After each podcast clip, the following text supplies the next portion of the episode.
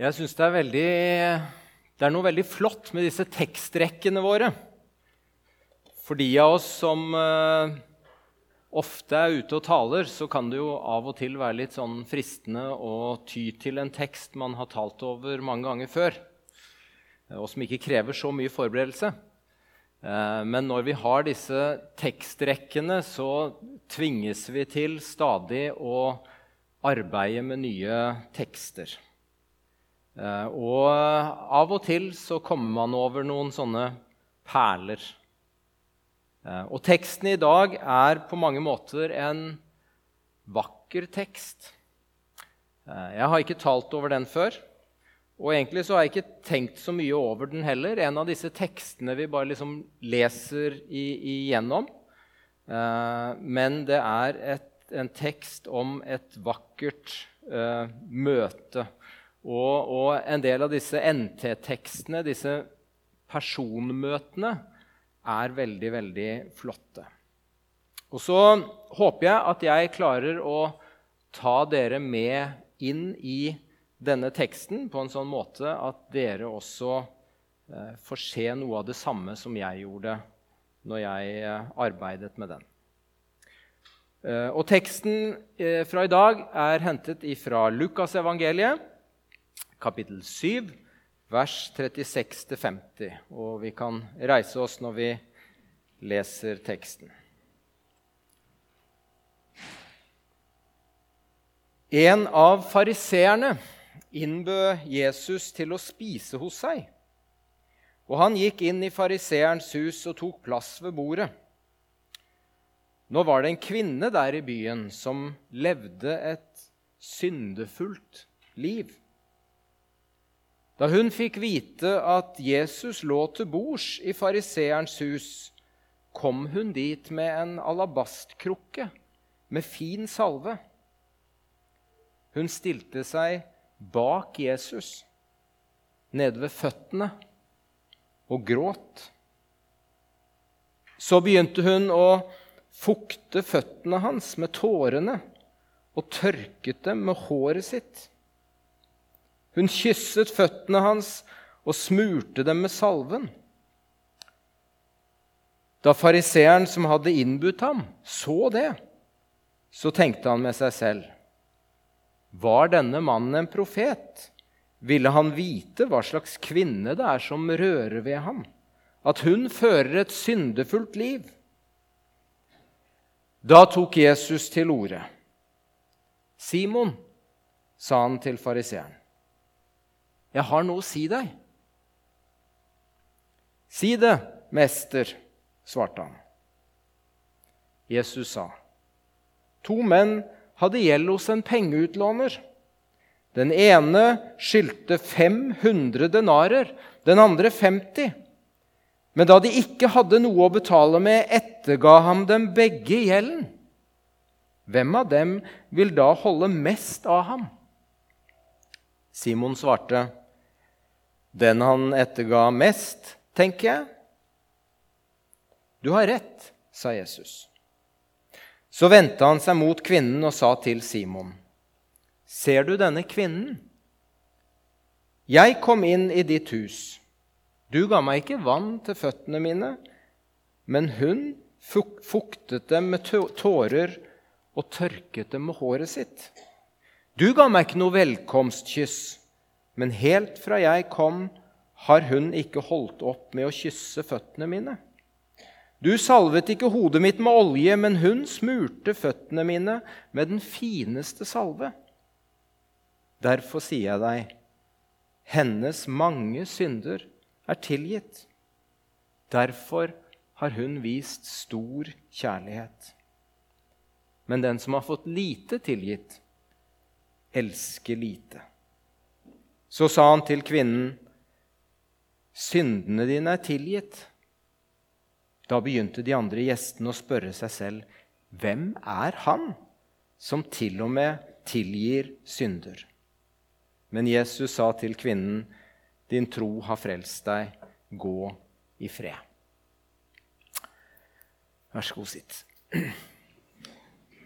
Ved første øyekast så kan vi kanskje tenke at dette er en litt sånn underlig episode. Jesus hadde jo en bred kontaktflate, det hører vi. Tidligere i Lukasevangeliet så har vi hørt at han var og spiste hos en toller. Og her så er han altså invitert hjem til en fariseer, hjem til Simon, for å komme og spise hos ham. Og så vet vi ikke så mye om bakgrunnen for at Simon har invitert Jesus. Ryktet om Jesus har uansett begynt å spre seg i Galilea. Og de lærde blant jødene de tenkte kanskje at de må, måtte finne ut mer om hvem Jesus var. Og så har altså Simon invitert Jesus hjem for å spise sammen med ham. Og det var jo hyggelig gjort.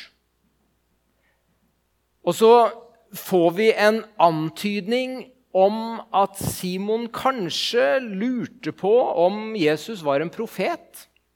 Eh, eller i hvert fall at det var mange andre som gjorde det.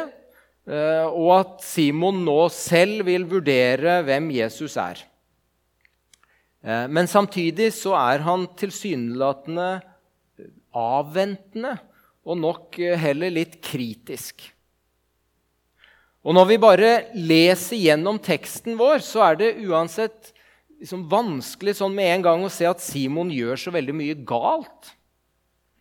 Jesus derimot fremstår jo egentlig ikke veldig høflig. Og så kan vi se for oss dette møtet. Jesus, Simon og de andre inviterte de ligger til bords på sånne lave divaner på, på venstre albu og antageligvis med bena litt på skrå bort fra bordet. Eh, og selv om det bare var noen som var invitert til å komme og spise, så var slike selskap antageligvis åpne for andre som ville komme innom. Som ville se hva som skjedde, som ville høre. Eh, og kanskje satte de seg langs langs veggene og liksom fulgte med. Og husene til middelklassen kunne være eh, antageligvis ganske, ganske romslige. Eh, og så kommer det altså inn det Lukas kaller for en, en, synd, en synderinne. Eller en som levde et syndig liv. Det betyr sannsynligvis at hun var en prostituert. Eh, og så vet vi ikke hva slags møter hun eventuelt har hatt med Jesus tidligere. For det sier ikke teksten vår noe om, så her kan vi bare spekulere. Kanskje har andre fortalt henne hva Jesus har sagt, og brakt fortellingen videre på en sånn måte at det har berørt henne. Kanskje har hun stått i mengden sammen med andre og hørt Jesu frigjørende budskap. Kanskje har hun hatt et mer personlig møte som Lukas ikke forteller om. Det er heller ikke så viktig. Det viktige er at hun har forstått Jesu budskap på en eller annen måte som totalt har endret livet hennes, tilværelsen hennes. Og så kan vi tenke oss hvordan denne episoden ser ut for de menneskene som er til stede. Den religiøse lederen Simon han holder altså gjestebud. Og så, eh, og så eh, kommer det en prostituert inn i huset hans og er svært nærgående overfor en av gjestene. Kysser bena hans, gråter, tørker bena hans med håret sitt. Kanskje ikke så rart om Simon syntes at dette her var ganske upassende. Kanskje tenkte de andre gjestene det samme. Hva gjør denne kvinnen her? Hva har denne urene kvinnen med Jesus å gjøre?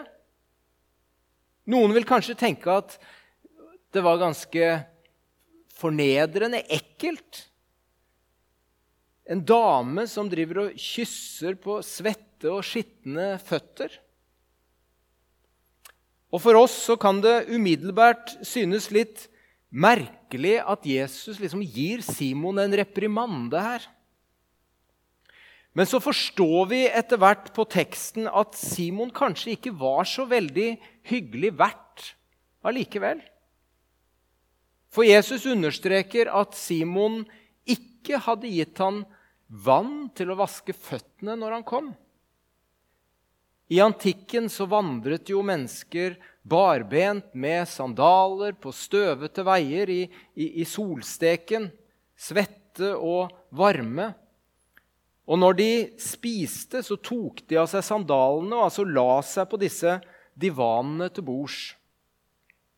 Og det var trolig regnet som liksom en slags minimum av normal oppførsel å tilby gjestene vann til å vaske bena sine når de kom inn i huset. Men det gjorde ikke Simon. Han hadde heller ikke ønsket Jesus velkommen med et velkomstkyss, noe som ville ha uttrykt respekt for den inviterte gjesten.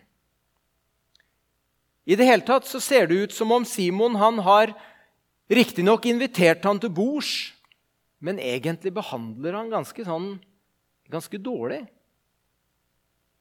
Og når Simon ser hva som utspiller seg der ved bordet sitt, så får han på en måte bekreftet mistanken sin. Dette er slett ikke noen profet.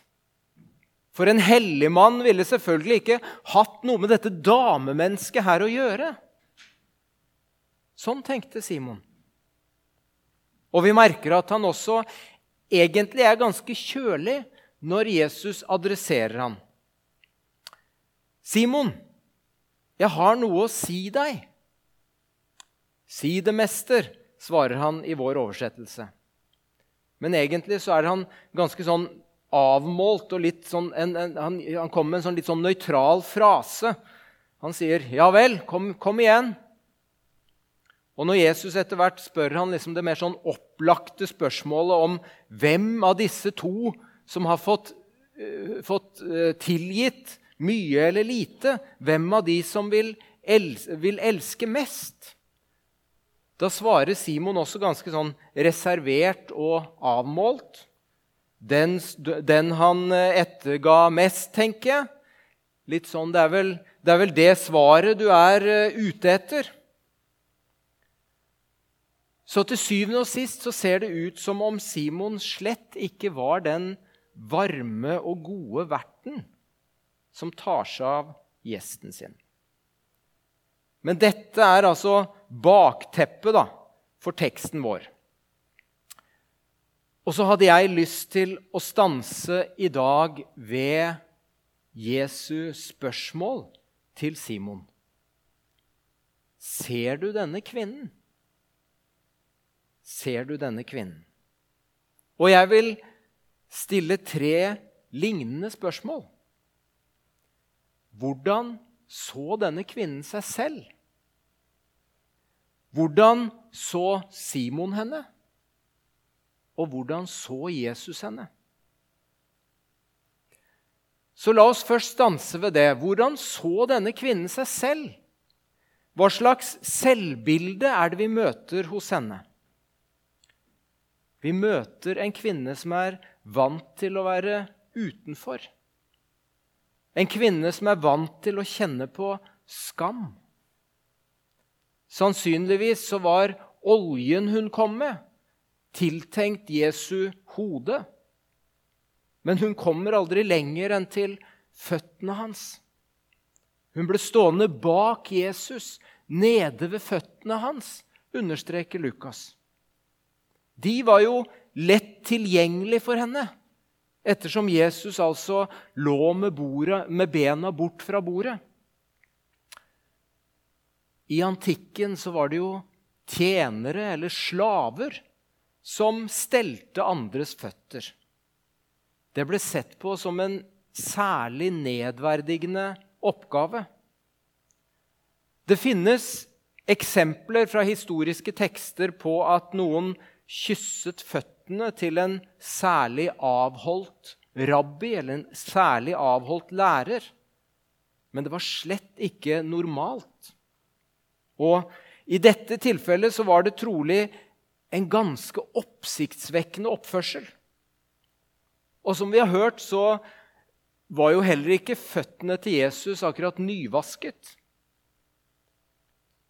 Vanlig kutyme var også at jødiske kvinner de hadde håret bundet opp.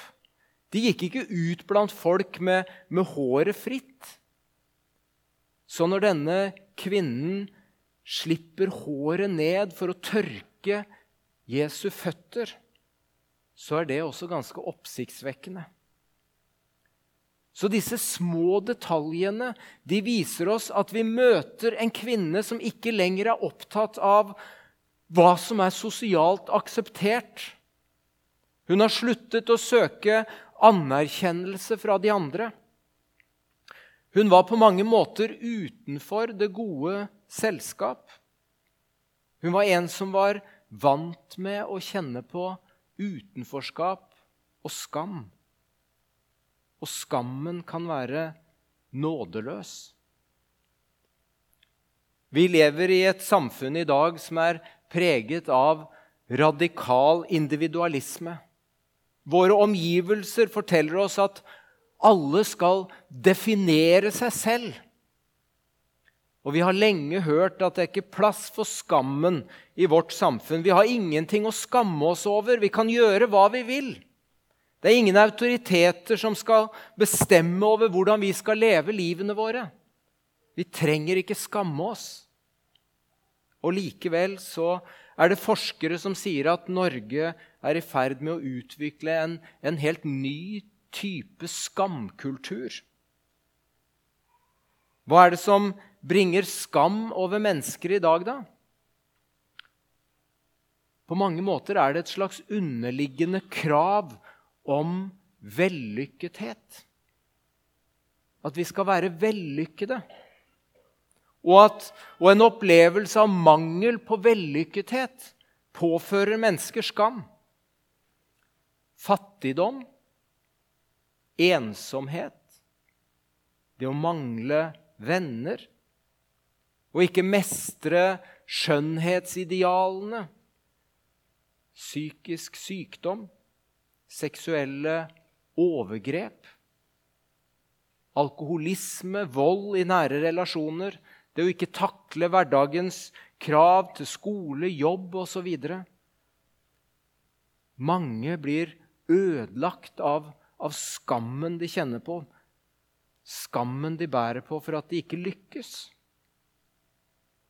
Og i den gamle, den gamle skyldkulturen som de skandinaviske landene var preget av tidligere, så sto man ansvarlig overfor Gud.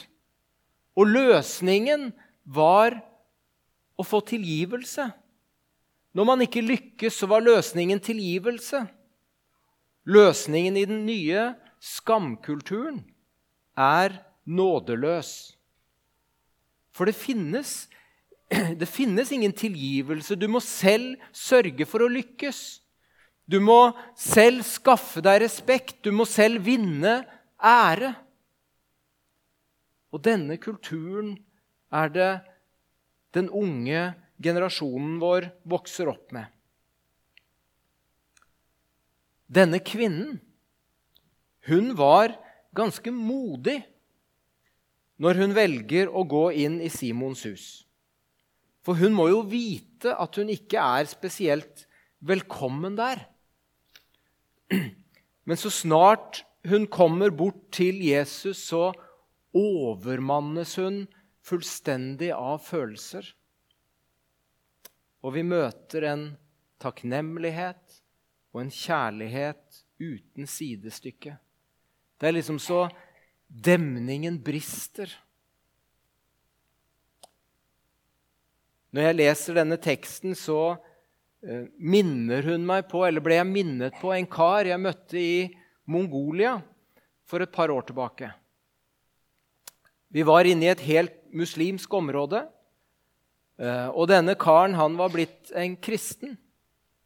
Og vi var samlet til bønn og lovsang i det lille huset hans. Og jeg spurte om han ikke var redd for at naboene ville reagere. At slektningene hans skulle ta affære. At de ikke skulle akseptere denne type Altså at, at, at noen samles for å be og synge lovsanger til den kristne Gud. Og så fortalte han at han for noen år siden hadde vært fullstendig nedbrutt som alkoholiker. Livet, familien, alt lå i ruiner. Han hadde ødelagt alt. Det eneste som betydde noe, var den neste alkoholrusen. Og så var det noen amerikanske misjonærer der som hadde drevet et prosjekt blant rusmisbrukere. Og der møtte han Jesus, og livet ble totalt snudd på hodet. Og nå var livet hans lappet sammen igjen. Han levde sammen med kona og barna sine, og hele familien gikk nå til dåpsopplæring med en av våre misjonærer. Og han sa at det var ingen i slekten hans som, eller, eller i omgivelsene hans som ville gripe inn overfor han. For alle visste hvem han hadde vært. Og alle kunne se forandringen i livet hans. Og stilltiende så lot de han bare være i fred. Denne kvinnen, hun visste om historien sin. Hun visste om synden sin, om skammen sin. Og Jesus hadde satt henne fri. Jeg hører stadig noen som, som sier at vi trenger ikke forkynne om synd i dag. Vi trenger ikke forkynne om synd til den unge generasjonen, fordi de vet altfor godt uh, selv om synd. Og så tenker jeg at det er på mange måter misforstått og et slags svik overfor ungdommene våre. For det er, det er forskjell på, på, på, på skam eller et dårlig selvbilde og synd. Det er forskjell på å skamme seg over sine venner eller å skamme seg over seg selv og synd. Og dersom vi ikke skjelner mellom det, så ender vi opp med et overfladisk og, og misforstått synsbegrep. Det er faktisk forskjell på hva du kan få hos psykologen, og hva du kan få hos Gud. Psykologen kan, kan hjelpe deg med dårlig selvbilde. Men han kan ikke hjelpe deg med synden din. Synden dreier seg om at selve kjernen i oss mennesker er skadet. Ja, mer enn det, hele skaperverket bærer en grunnskade som innebærer at alt må skapes på nytt. Skam og dårlig selvbilde det er et symptom eller et resultat av synden. Men synden er noe mye verre. Det innebærer at vi har en motstand i oss mot det som er Guds vilje. Denne kvinnen, hun visste hva hun var frelst fra. Hun var frelst fra hele sitt syndige liv. Hun var frelst fra alt som skilte henne fra Gud. Og derfor elsket hun mye. Vi vet som sagt ikke engang om hun hadde snakket med Jesus før. Men uansett så hadde altså Jesu liv, Jesu ord, totalt endret livet hennes. Hva med skammen, da?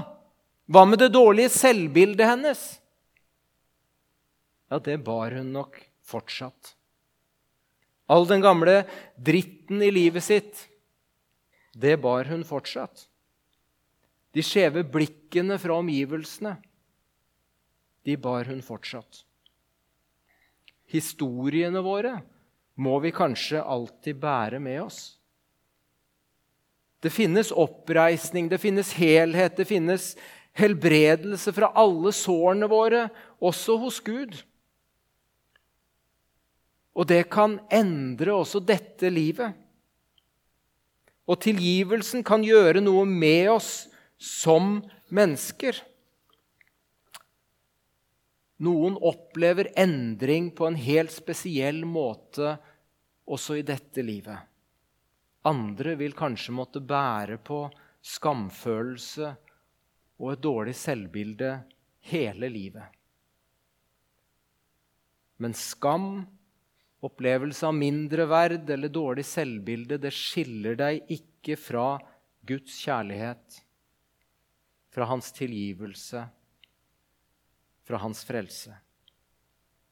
Den skiller deg ikke fra en evighet med Gud, der alt det som er ødelagt, en dag skal bli helt igjen.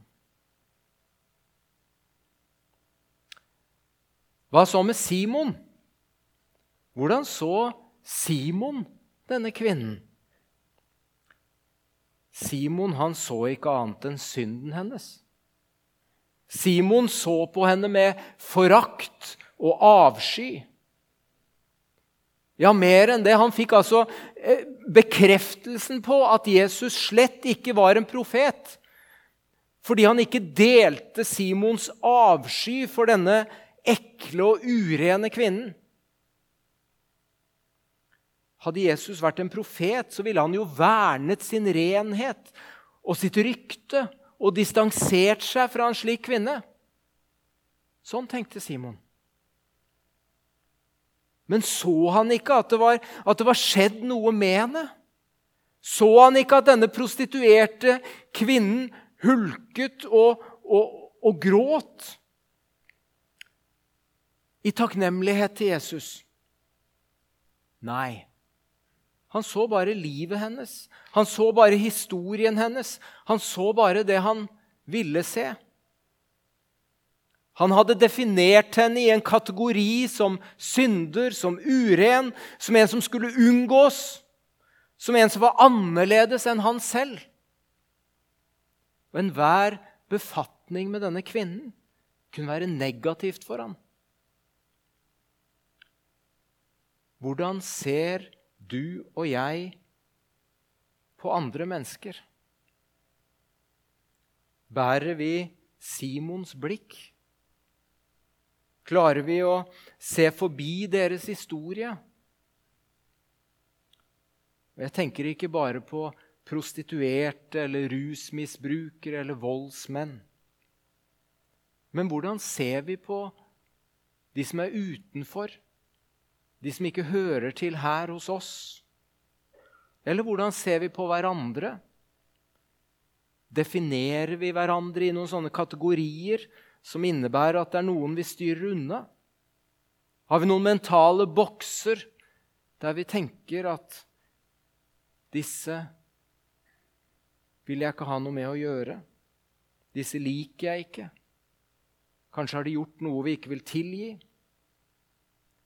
Ser vi hverandre som mennesker skapt av Gud, elsket av Gud, og som Gud ønsker å dele evigheten med? Eller velger vi Simons blikk? Jeg må erkjenne at jeg ofte skuler på andre med Simons blikk. Kanskje det er noe både du og jeg trenger å be Gud om tilgivelse for.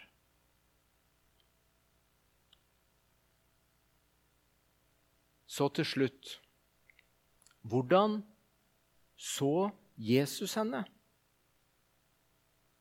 Jesus så henne som en tilgitt synder.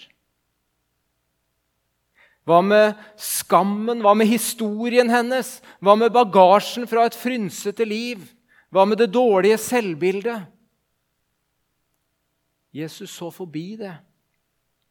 Hun trengte ikke late som, hun trengte ikke forsøke å skjule synden sin, verken for Jesus eller de andre. Jesus kjente jo alt ved henne. Han kjente henne bedre enn hun kjente seg selv. Jesus så et menneske som bar bildet av Gud i seg, til tross for alle sår og brister. Og sånn ser Jesus deg også. Han så et menneske som klamret seg til hans frelse, som kom fullstendig tomhendt og hjelpeløs, som bare måtte få del i én eneste ting Guds tilgivelse, hans frelse. Jesus hadde gitt henne en frihet og en glede som førte til at tårene sprutet. Og hun, hun bare måtte få takke han. Hun bare måtte få vise han ære. Hun brydde seg ikke om menneskene rundt, hun brydde seg ikke om konvensjonene. Hennes mange synder er henne forlatt, sier Jesus. Derfor elsker hun mye. Slik så Jesus henne. Elsker du mye? Kanskje tenker du at jeg burde hatt en sterkere følelse av takknemlighet og glede overfor Jesus. Ja, det burde du helt sikkert. På samme måte som denne kvinnen uttrykte sin grenseløse kjærlighet i møte med Jesus, så burde vi også vært over, overmannet av takknemlighet og glede. Men til syvende og sist så er det ikke våre uttrykksformer eller følelser det dreier seg om. Det avgjørende er om du vet hva du er frelst fra, og hva du er frelst til. Du er frelst fra dine mange synder, og du er frelst til et liv og en evighet sammen med Han som er himmelens og jordens skaper. Du har mottatt Jesu fullkomne liv som en gave. Og det er den største gaven du kan motta i dette livet. Fordi Jesus har vunnet over synden i livet ditt, så kan han se på deg som fullkommen. De gamle de brukte å si at misjon, det er takken for Golgata. Og det er det misjonssalen og Misjonssambandet eksisterer for. Det er vår måte å kysse Jesu føtter på. Det betyr ikke at vi lykkes med alt vi gjør, men vi uttrykker vår takknemlighet til Han som har vunnet over våre mange synder gjennom tilbedelse, fellesskap og misjon, og dele dette videre med andre. Kvinnens blikk på seg selv, Simons blikk på henne og Jesu blikk. Og så har vi spurt hva med ditt og mitt blikk? Kjære Herre og Frelser. Takk for din ufattelige nåde imot oss. Takk for at du har møtt oss med din tilgivelse, Herre. Takk for at du har vunnet over synden i våre liv. Takk for at du har all makt i himmel og på jord, og at du møter oss med omsorg og kjærlighet. Takk for at du, som har all makt i himmel og på jord, vil ha med sånne som oss å gjøre, at du vil bo i hjertene våre, Herre. Det er nesten for stort for oss til å kunne forstå og gripe at du er sånn. Og så ber vi, kjære, gode Gud, at vi må få se på hverandre og se på andre mennesker med ditt blikk, Herre. Det ber vi om i ditt gode, hellige navn. Amen.